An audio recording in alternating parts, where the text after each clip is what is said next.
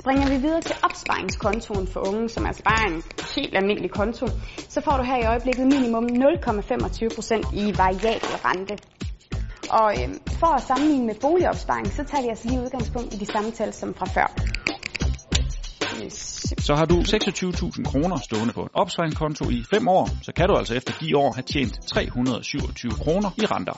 Og det beløb kan du holde op mod de 6.500 rabatkroner, som du kunne have tjent på boligopsparing på samme tid.